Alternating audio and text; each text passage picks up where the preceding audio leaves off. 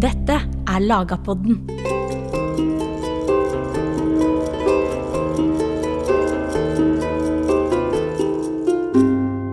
Landslov av 1274 bygde videre på og utvidet en tradisjon for rettslig regulering av jordbruk og handel. Utmarksressurser har alltid vært viktig for norsk økonomi, og derfor underlagt rettslig regulering, som landslova i stor grad videreførte. Oppløsning av trelhalde gjorde at det vokste fram nye ordninger for jordleier, og en klasse av det som senere ble hetende for leiglendinger, vokste fram på 1100-tallet. Oppløsninga av vettesamfunnet gjorde at odelsretten gjennomgikk endringer, før den fikk sin form med landslova i 1274. Og byveksten på 1100- og 1200-tallet førte til et større behov for pris- og næringsregulering, som kom med bylova av 1276. Så hvordan ble jordbruk og handelsvirksomhet regulert av Magnus Lagerbøte i hans store lovgivningsarbeid på 1200-tallet? Med oss til å svare på de spørsmålene har vi Per Norseng, professor emeritus ved Universitetet i Sørøst-Norge og Norsk Maritimt Museum. Du hører på Lagerpodden, en podkast av Nasjonalbiblioteket. Mitt navn er Jørn Øyrehagen Sunde.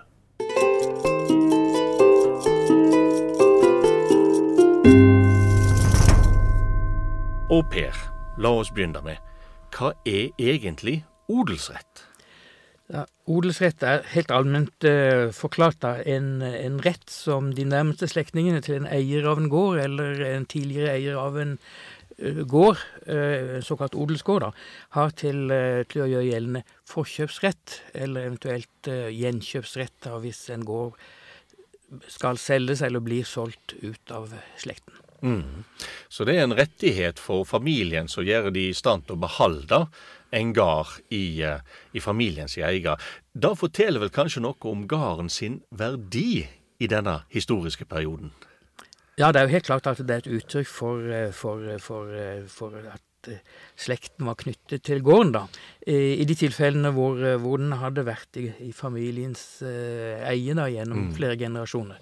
Og det var jo også da knyttet eh, skiftende regler da, opp gjennom årene eh, til hvor lenge en gård måtte ha vært i, i, eh, i, eh, i sammenhengene da, i, i, i, i samme slekts eie da, for at den skulle bli en odelsgård. Det var jo Mm. ikke alle gårder som eh, odelsretten hjalp på, men bare gårder som hvor en familie hadde opparbeidet gjennom generasjoner da, tidligere eh, odelsrett. Mm. Kan du nevne noen av disse vilkårene? For det, det er en relativt lang periode du må sitte med en gard før det blir en odelsgard. Ja, vi møtte jo først odelsretten eh, slik som, eh, som vi kjenner den da i, eh, i de norske landskapslovene, som, Mm. som er er overlevert til oss da i manuskripter fra rundt midten av 1200-tallet, da, noen eldre fragmenter. Eh, og i Gulatingsloven så, så heter det at den må ha vært i, eh, i slekten eie i fem generasjoner og kommet inn i sjette slektsledd, altså seks Mm. generasjoner, da Mm. eh, for, eh, for, for, for at det skal gjelde odelsrett på den. Eh, I Fortatingsloven, som eh, her representerer et litt yngre, tidslag, da, så er det redusert til, eh, til fire generasjoner. Ja. Eh, og dette henger nok sammen rett og slett med, med, med, med endringer i den internasjonale kirkeretten med, med, med hensyn på, uh, på incestregler, altså. Hvor, hvor eh, nære slags slektskapsforhold eh, man kunne gifte seg innenfor, da. Eller, uh, så så det, har, det har skjedd da en, en endring i, i, ja, i løpet av siste halvdel av 1100-tallet ja. første halvdel av 1200-tallet. da. Eh, og så, blir dette ytterligere endret da når vi kommer til, til, til landsloven. ja. Og hva blir reglene da? Ja, det er en, eh, en, en, en merkverdighet, eh, egentlig. Da ble jo regelen at det skulle fortsatt være som altså fire generasjoner, eller 60 år. Ja. Så egentlig er det litt kortere. 60 år er vel kanskje tre generasjoner. Nå Ja. er jo det Ja. litt sånn, ja. Det, litt, det, kan, det kunne variert, men det ble jo på en måte litt mer orden på tingene, mer forutsigbart. da. Ja. Mm. Så med landsloven så har altså familien en forkjøpsrett hvis de har sete med gården i over en viss periode. Ja, ja. Eh, men jeg tror vi må allerede her ta ei avklaring, fordi det er for mange eh, For mange er er odelsrett og åseterett det samme, men, men det er det jo egentlig ikke. Ja, det er jo to på en måte forskjellige ting. Eh, Noen mener jo at de har på et vis har samme opphav, da. Men åsetesretten er rett og slett en, eh, en arverett Mm. eh, som må gjøres gjeldende da av, eh, av eh, på, på, i forbindelse med arveskifte. Ja. Eh, og den gjelder all jord. All, Ja. all jordbruksjord. Den, den, ikke, gjelder ikke bare odelsjord. Og, og, og det er en rett som, som gjør at eldste medarving kan, kan gjøre krav på hele gården udelt. Ja. Men vel å merke i norsk sammenheng eh, mot å betale ut eh, medarvingene. Mm. Kjøpe ut medarvingene. Men det er en seinere konstruksjon, er det ikke da? Eller fins den allerede i landsloven? Det finnes elementer av den i landsloven, eh, men eh, det ser ut som det ja, I praksis iallfall først og fremst kan det vært aktuelt for, eh, for familier som hadde flere gårder. For det heter at den eldste sønnen kan ta eh, skal vi si eh, eh, Ja. eh, udelt eh, hvis de andre arvingene kan få like gode odelsjord. ja. Hva som akkurat ligger i det, kan man nok diskutere, men, men, men dette her var ikke det, Dette var ikke noe som, som gjaldt skal vi si vanlige, vanlige bønder, eh, vil du tro da. Men på 1500-tallet så, så, så blir dette, tidlig 1500-tall, så blir dette lovfestet i en mer generell sammenheng. Da. Og siden har vi hatt åsetesretten. og, og den er jo eh, grunnlovsfestet eh, Ja. sammen med odelsretten, altså i det som i sin tid var paragraf 107 i Grunnloven, nå 117, da, Ja. som sier at odels- og åsetesretten må ikke oppheves. Ja, men når vi går tilbake til landsloven, så er det jo sånn som du påpeker, at eh, odelsretten gir deg, en, eh, gir deg ikke en rettighet til å ta over hele gården hvis du ikke kan gi de andre tilsvarende god jord. Sånn at dette er helt annerledes enn føydalsystemet. Kan du forklare, sammenligne litt odelsrettssystemet i Norge med føydalsystemet slik vi fant det på kontinentet? Ja, altså, det er jo det er jo en sånn sterk forestilling, tror jeg, blant folk flest om at odelsrett er noe spesielt norsk. Ja. Og på noen måter er den eh, har den vært litt spesiell i Norge, eh, og den er spesiell i Norge nå ved at vi fremdeles har den. Ja, ja. Eh, Men, eh, men i, i middelalderen så var det jo vanlig med denne typen regler. Altså regler som, som innebar at de nærmeste slektningene hadde en forkjøpsrett når, når noen ville selge arvet jord Ja. ut av slekten, noen steder all fast eiendom. Og, og, og, og, og det var igjen en, en frist på år og dag, da. Mm. Eh, og dette kunne gjelde både gårder som var i eh, skal vi si, alminnelig eh, fritt, fri, fri eiendom, da, som vi gjerne kaller for allodial eh, eiendom. da. Ja. Eh, eller det kunne gjelde leilendingsbruk, som Ja. også kunne selges. Og, og denne for, forkjøpsretten, da, eller gjenkjøpsretten innen en, eh, ca. et års tid, da, den, eh, den gjaldt jo også for naboer. Ofte. Akkurat. Og den kunne gjelde også i en føydalssammenheng da, for jordeieren, altså for, Mm. for godseieren. da. Ja. Eh, men i, i Norge så, så, så kjenner vi ikke slike ting, da. Eh, Vi, Ja. Den odelsretten, da, den, den, den gjelder rett og slett eh, vanlig fast eiendom da, på landet, Mm. si, altså i, på, på bygdene. Ja. Eh, Ute i Europa så gjaldt det sånne regler også i, i byene. Ja, ja. Men det, det ser vi ingenting av hos oss. Og hvem var det som hadde odelsrett? Dette, er dette den vanlige norske bonde, eller snakker vi om et eget segment i det norske bondesamfunnet? Ja, altså det blir, Man snakker jo igjen som om altså odelsbonden var liksom en slags sånn elite i, eh, i bondesamfunnet. Mm. Men eh, når vi kommer ut på, på Magnus Lagerbøttes tid, så er det nok ikke så veldig stor forskjell når det gjaldt status på om man eide gård, eventuelt med odelsrett eller ikke. Og slik som det norske leilendingsvesenet var eh, utviklet seg, så, så, så var det ikke nødvendigvis så om å gjøre å være selveier heller. Altså enten du var odelsbonde eller, eh, eller ikke. Og eh, jeg tror nok at odelsretten i, eh, i middelalderen eh, først og fremst var interessant da, for, eh, for, for, eh, for folk med en del eiendom. da. Mm. Eh, ikke nødvendigvis store godseiere, da, men jeg tror at det er de høyere lag av bondesamfunnet og, og adelen da, som, eh, som eh, gjorde bruk eh, av, av odelsretten, og som den Ja. betød noe for. Vi må også huske på at altså, er et annet spesielt forhold ved, ved, ved, ved odelsretten slik den er utviklet i landsloven av 1274, det er at eh, eh, man, man, man kunne holde den varm veldig lenge. Ja. Og det er, altså, det er en av de virkelig spesielle tingene allerede fra middelalderen. Eh, etter Gulatingsloven eh, så hadde man en halvt år på seg for å eh, gjøre gjen, gjen, gjenkjøpsrett.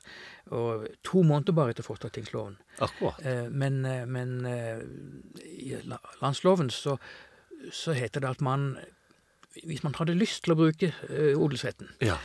men ikke hadde penger, så kunne man gå på tinget og lyse såkalt pengemangel. Ja. Man kunne si at eh, jeg har forferdelig lyst til å kjøpe denne gården, Ja. men jeg har ikke råd. Ja. Ikke nå. Og så kunne man få ti års frist. Ja. Og dette kunne man gjøre seks ganger. Ja. Så man kunne da, hvis man passet på, Ja. eh, så kunne man faktisk holde odelsretten eh, i live like lang tid som det tok for en ny familie. Eh, eh, altså en ny eierfamilie å opparbeide odelsrett. ja. 60 år. Ja. Og dette er jo helt eh, enestående. altså Selv om vi har mange paralleller til odelsretten da på et sånt allmennplan rundt omkring i Europa, så er disse reglene er helt enestående norske. Eh, Derfor har jeg lyst til å spekulere litt. eh, og det er jo, Jeg har av og til tenkt at dette er et kongelig mottrekk mot kirka, som på dette tidspunktet tilegner seg veldig mye jordeiendom. Sånn at de som, når jordeiendom f.eks. ble testamentert til kirka, så kunne de med odel i 60 år ha en mulighet til å kjøpe den tilbake. Men jeg, vil du kommentere en sånn spekulasjon? Ja, altså det, det er jo flere som har ment det nå i senere år, og jeg er jo enig i det. Ja. At det, det altså, altså, Slik vi kjenner den i, landsloven, så, så, så er det en rimelig eh, tolkning. Man kan også spekulere, jeg har i grunnen ikke tenkt over det før, før akkurat nå, men eh, dette at eh, eh, At eh, gjenkjøpsfristen var så kort i, i, i, i forstatingsloven, Ja. det kan nok ha nærmest en slags motsatt sammenheng. altså Forstatingsloven var mye påvirket av eh, Ja. erkebiskopen i Ja, Nidaros, og som jo hadde en interesse av at eh, av sånne frister skulle være korte. da. Ja, ja. Eh, Så er kanskje landsloven en, eh, en slags Altså en reaksjon mot den eh, veldig omfattende kirkelige godsdannelsen som, eh, som, som fant sted på den tiden. Ja. Og nå har vi jo snakket om, om eh, odelsbønder, men, og vi har snakket om bønder som ikke har odel, men som sitter på en gård, gard. Men så har vi jo et nivå til i bondesamfunnet som vi òg må trekke fram, og det er jo leiglendingen, han som leier jord. Fordi landsloven inneholder ganske mange jordleieregler. Ja, og leilendingen er, den norske leilendingen er jo en, en, det en sammensatt uh, størrelse, for å si det sånn. da. Ja. Um, det som jo eh, skiller uh, Norge fra det føydale Europa, er jo at uh, våre leilendinger var juridisk frie. Mm. Det kunne jo i praksis være mye i lomma på, på, på, på, på, på jordeieren. da. Eh, og i noen tilfeller så, i mange tilfeller sikkert, så var, eh, så var leileningene da vi, på 1100-1200-tallet folk med trellebakgrunn. ikke sant? Ja, ja. Som, som eh, kanskje fremdeles kunne ha en eller annen form for altså, uformell, skal vi si, eh, sosial eh, relasjon eh, til, til jordeieren. da. Men, men altså, noen, noen leilendinger var jo rett og slett leilendinger. De leide hele gården. Ja.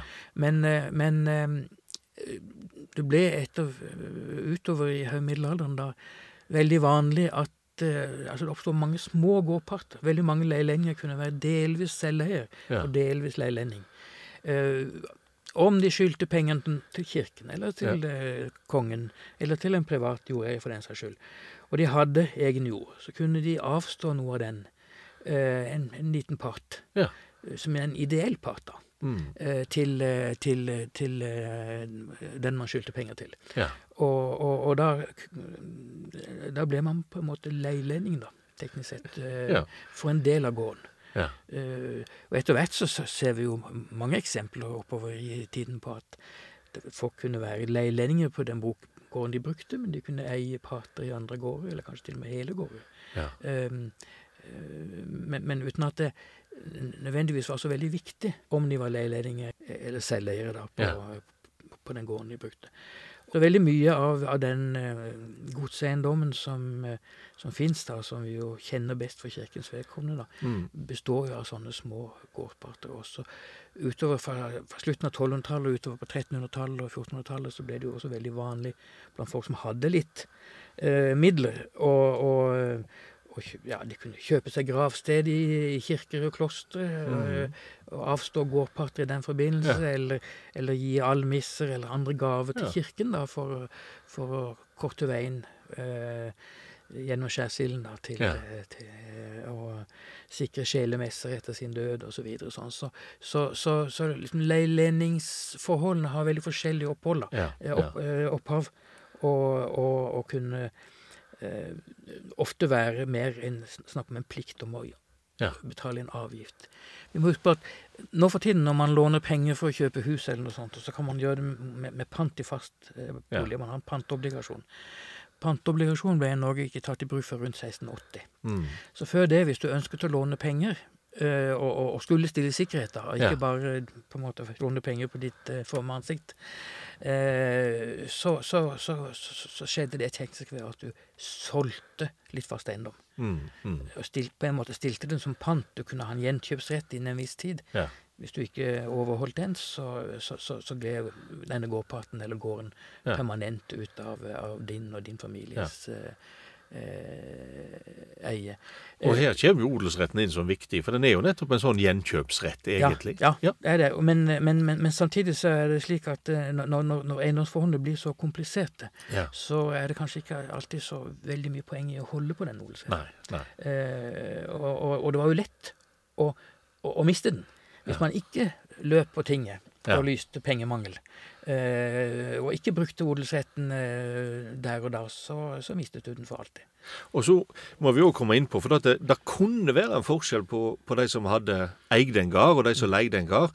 Og, kom, og den forskjellen tredde inn hvis du hadde et behov for å bruke naturressurser på gården som ikke dreide seg om jordbruksland. Kan du snakke litt om, om disse råderettene over en gard sine ressurser? Ja, altså det kunne være forskjellige ting. Altså det mest opplagte var jo skog. Eh, og, og, og herunder altså både tømmer Ja. og, eh, og, og never, Ja. som ble brukt til taktekking. Ja. Det, men som også kunne være en salgsvare. Ja. Eh, og også og retten til å koke salt. Mm. Eh, det var jo nok å ha vann. Det var ikke det som var minusfaktoren, da. Men det var jo dette å ta ved da, for å, å, å brenne eller koke salt. da. Eh, og også jakterettigheter, naturligvis. Mm. Og, og, og hovedprinsippet her er jo eh, sånn nokså gjennomgående at eh, en leielending kunne bare ta det han trengte til på en måte eget bruk. da. Ja. Til å bygge egne hus, til å tekke egne hus, til å dekke gårdens behov for eh, salt og så videre. Så, eh, så når slike skal vi si, utmarksressurser ble en salgsvare og, og, og, virkelig fikk en, en, en, betydelig økonomisk verdi, Ja. så kunne det være et sterkt insentiv for en leiledning til å bli Mm. eh, til, til å bli selveier. Og det er jo det man ser med den massive overgangen fra leiledningsvesen til, eh, til selveie fra slutten av 1600-tallet. Ja. ja. Når, når veldig mye av det offentlige godset, altså kirkegodset og uh, krongods osv., kommer i, i spill da, ja. gjennom eh, private oppkjøpere da, som, eh, som begynner å selge videre til bøndene. Mm. Da, da, eh, da, da er nok det et veldig sterkt motiv. ja. Men på en måte satt du litt utryggere som leilending. Og, altså Lovgivningen når, når vi tidlig nytid da på, Ja. på, på, på 1600-tallet beskyttet leilendingene. Kongen var ikke interessert i at, at godseierne skulle tyne Ja. skattebetalerne og, og soldatene hans liksom eh, Ja. ja. eh, for mye. Eh, så, så det ble ført en relativt leilendingsvennlig politikk, og det betød at det kunne være vanskelig å bli kvitt en leilending som ikke klarte å, å, å, betale leien. da.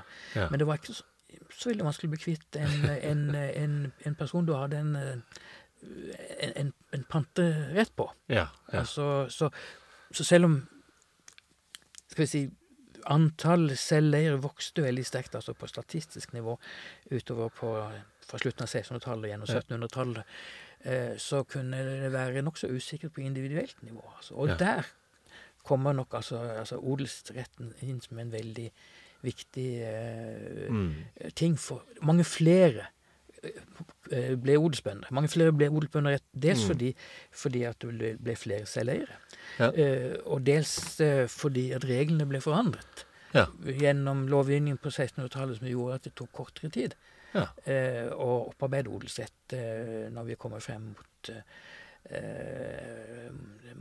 mot slutten av 1700-tallet. Ja.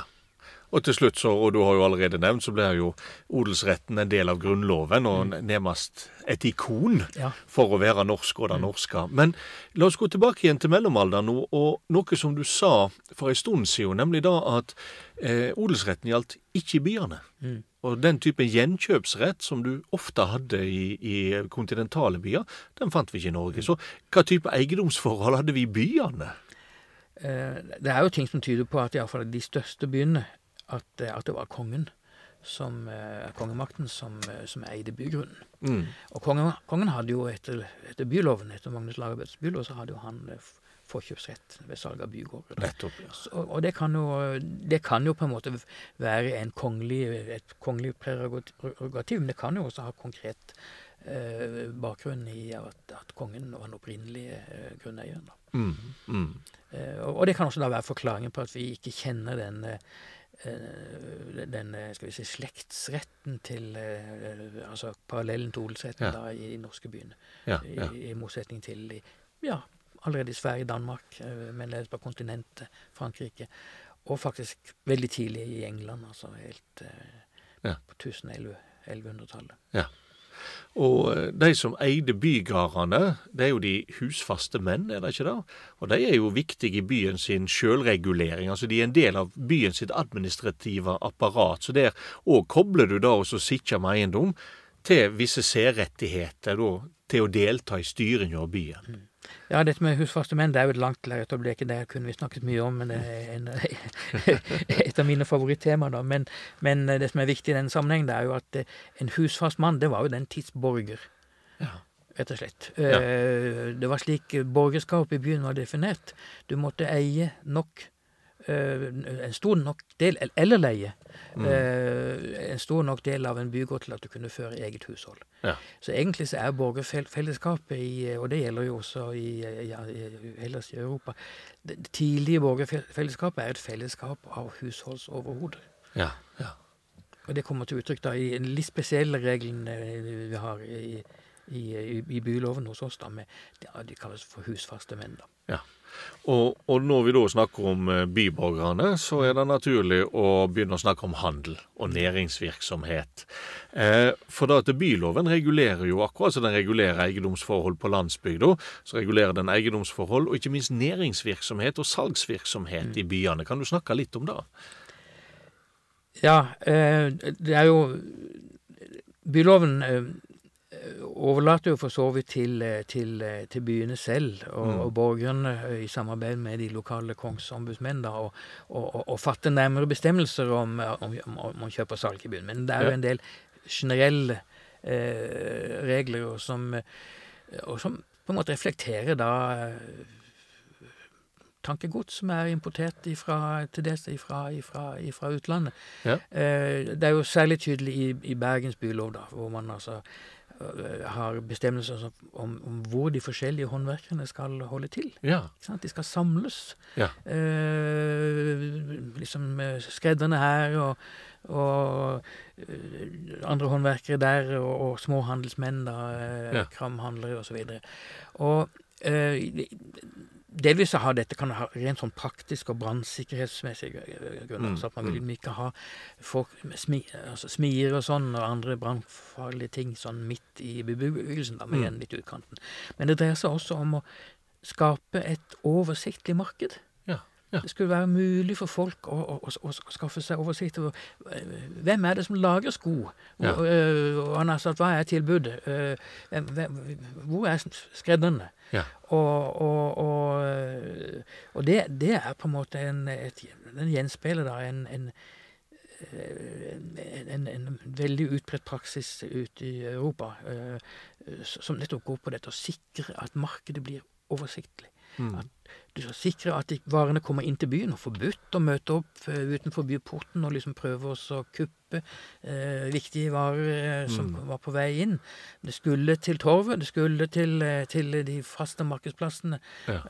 alt etter som hva slags fag eller varer det var snakk om. Ja. På den måten så var det lettere for, for, for publikum, da. For, for eh, kundene da å skaffe seg oversikt og sikre seg at eh, eh, prisene ikke var eh, urimelig høye hos Mm. en leverandør, at kvaliteten var eh, grei, og at du kunne liksom slå til på det beste tilbudet. Ja, Altså, ja. eh, det er jo på en måte Det er fristende å sammenligne med dagens elektrisitetsmarked. Ja. Altså, de hadde skjønt noe i middelalderen som, eh, som, som Eivind Reiten ikke forsto da han laget eh, eh, eh, energiloven. For å si det sånn, ja. altså, at det må faktisk være en reell konkurranse, og det må være reelle valgmuligheter. Ja. Du må ha et oversikt over markedet for at markedet skal fungere. Dette er jo veldig morsomt, for at eh, det er jo slik at de hadde en idé om markedet. altså Vi tenker gjerne at det da kommer med Adam Smith og kapitalismen, sant? men de har en idé om markedet og hva som skal til for at markedet skal fungere. Og de kunne jo gå veldig i detalj. Min favoritt i bylov er jo at de som selger klær, skal holde til på oversiden av Øvregaten i Bergen. Fordi da de, har de gått sollys inn i bo- boet si, sånn at de, de, alt- du kan studere kvaliteten ganske nært opp. da. Så, så, men, men de, for de er jo opptatt òg av kvalitet, og forholdet mellom kvalitet og pris. Ja, og det er et morsomt eksempel det der. Altså, i, i, Ute i Store-Europa så er det jo gjerne altså, med konkrete bestemmelser om, altså, som har med dagslys å gjøre og sånn. ikke sant? Nettopp, Altså, Du skulle ikke drive og selge varene liksom i, når, når det var mørkt. liksom. Ja, det, ja. men, men, men akkurat den, det er en detalj der i, i, i, i Bergens som minner akkurat om, om dette, da. Som, eh, som vi ellers ikke har noen sånne klare spor av i, i, i, i norsk sammenheng, da. Men eh, ja, nei, de var opptatt eh, av kvalitet og fusk. Altså beskytte Ja. seg mot fusk, naturligvis. Og da var jo dette med dagslys og, og sånn eh, eh, viktig. Og så var jo prisen eh, viktig. Altså eh, hovedtrekket altså for, for å sikre liksom eh, seg mot eh, urimelig pris og sånn, det var jo dette å, å prøve også å, å få varene liksom til torgs. Ja. Uh, uh, men eh, men det, det, var jo også en ganske omfattende prislovgivning Mm. som, som vi ikke finner i, i, i, i, i byloven. Byloven setter de skal vi si, allmenne rammene da, for, for handel og, og håndverk. Ja. Men, men, men, men, men, men, men sier jo også da at, at bymennene selv da kunne lage seg regler da, om, Ja. om handel og. Da. Så lenge ikke det var i strid med byloven. Ja. Og det gjorde bymennene selv. Mm. Eh, vi har overlevert ganske mange eh, forordninger eh, om, eh, om handel og priser i, i byene, særlig fra perioden 1282 til, eh, til 1384. Mm. Altså kan jeg si i gammel norsk tid, da. Ja. ja. Eh, og disse De fleste av dem er, har fått kongelig godkjenning, og det er sånn vi kjenner dem. Ja. Eh, men noen av dem har tydelig opphav da i lokale vedtekter da, som siden har, har, har blitt lagt frem for kongen og blitt godkjent. Og, Ja. eh, noen ganger er de kanskje inkorporert da i litt mer omfattende eh, såkalte retterbøter, altså kongelige Ja. forordninger osv. Men, men antagelig har det vært en stor underskog av slike vedtekter. Mm. Eh, noen adhoc-pregede, og kanskje mer også langsiktige regler, da. Men, eh, men det er eh, bare antagelig en bitte liten del av dette som er overlevert. Ja. Det vi kjenner til, det aller meste vi kjenner til av prislovgivningen fra denne perioden, er overlevert i to håndskrifter. Nettopp. Ja. Så, så det er litt tilfeldig at vi har dem. Ja, Men de har da til gjengjeld tatt opp i seg ganske mange slike bestemmelser. Og hva varer gjelder de? Ja, eh, og der er det også en, morsom forskjell mellom skal vi si, Norge og det som var typisk ute i Europa. Ja. Eh, I Norge så gjelder de, altså de, de mest omfattende bestemmelsene, eh, i, som er fra Bergen, Ja. fra 1280-årene da, og, og fra 1380-årene, de, de gjelder nær sagt alle slags yrker. Altså ikke absolutt alle, men veldig mange forskjellige slags yrker. Ja. Håndverkere, det kan være skreddere, skomakere, skinn, be, altså håndverkere, da. eh, eh, folk som solgte, altså som drev kamhandel. Ja. Eh, også i, i, i noen grad, eh, skal vi si, eh, matvarehandel. Altså brød, brød Oftest av brød, da. Mm. Men, men, men ute i Europa så, så var lovgiverne mest opptatt av det. Ja. De var mest opptatt av at slakterne og bryggerne og, og, eh, og, eh, og, eh, bakerne Ja. at de ikke skulle ta for høye priser. Eh, det, er, eh, det er også et anliggende da i norsk eh, lovgivning, men det er liksom ikke det er ikke det som er det mest fremtredende anliggende. Mm. Eh, og ute i Europa så var det helt, helt spesielle akutte situasjoner.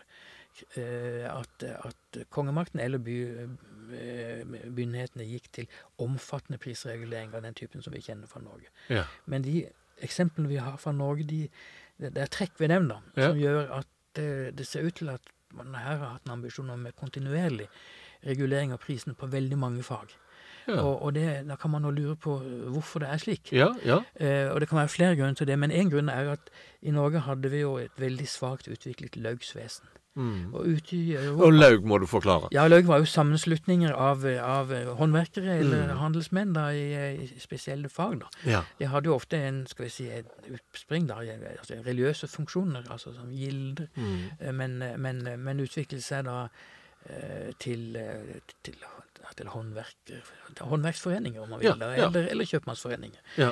Og, og, og laugene var jo opptatt av å, av å, holde orden på kvaliteten, naturligvis. Og de var jo ofte opptatt av å, eh, av å sikre gode priser, da. Mm. Men, mm. eh, men, eh, men kunne samarbeide med bymyndighetene da om å, om å holde prisene på et eh, skal vi si, en fornuftig nivå, Ja, for å si det ja, sånn. ja. Men i Norge hadde vi jo da veldig, vi hadde tilløp til et laugsvesen som ble motarbeidet av kongemakten på slutten av 1200-tallet. Og det kom inn laug eh, utover i senmiddelalderen knyttet til eh, innflyttede eh, tyske håndverkere, da, Ja. som fulgte med de tyske kjøpmennene.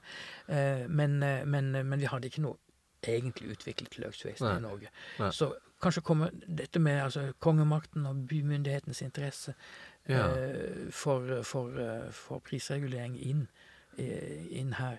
Og eh, så kan det også ha noe å gjøre med at det var litt andre interesser som sto bak f.eks. de norske kongenes eh, prisregulering. At det kanskje var eh, det høyere laget i samfunnet Ja. eh, sine interesser som Ja. de var opptatt av, altså kongens menn. ja, ja, ja. Eh, det, det, det, det, hører også med den historien, det er et viktig, veldig viktig poeng.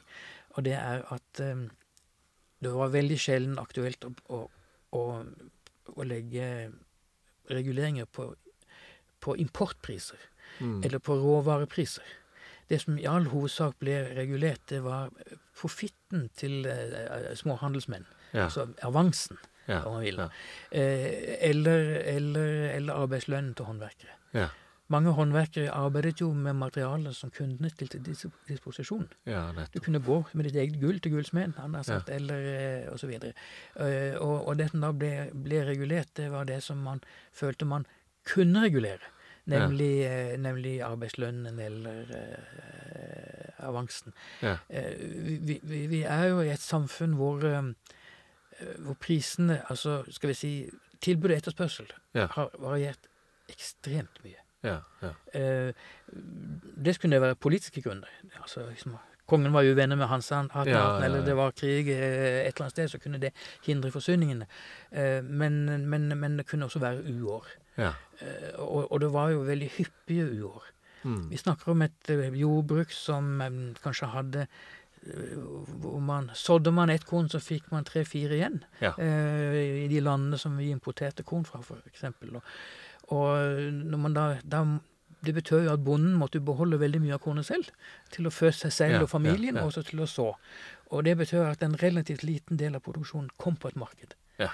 Og når da en ganske stor del av produksjonen han har sagt, altså, altså Når reduksjonen blir redusert, Ja. så vil jo effekten på markedet bli enda større Ja. enn effekten på produksjonen. da. Så eh, det var en engelsk eh, forsker som sa det veldig godt, syns jeg, en gang, at, at sedvanen altså det, eh, det er på en måte som en tynn, tynn hinne, en skorpe, Ja. over eh, prisen, som stadig blir brutt. Uh, Pga. sånne ekstraordinære omstendigheter. Ja. Og, og det- ble gjort noen forsøk i Norge eh, på, på, på å regulere også importprisene. Men, men, men det, de visste nok at det var vanskelig å få respekt for, og, og, Ja. og, og det, det har, har ikke vært på en måte vært forsøkt annet enn i, i spesielle krisesituasjoner. Ja. Og, og antagelig ikke med noe veldig stort hell. Men ellers har vi fått hørt at priser regulert eiendomsforhold i byene, odelsretten får sin form med landsloven, og ikke minst leiglendingsvesenet blir òg regulert i den. Så det er veldig mye regulering som kommer med lands- og byloven i 1274 og 76. Og til å snakke om dette har vi altså hatt med oss Per Norseng, og tusen takk for at du var med oss her i Lagerpodden i dag. Ja, takk for at vi fikk lov til å komme.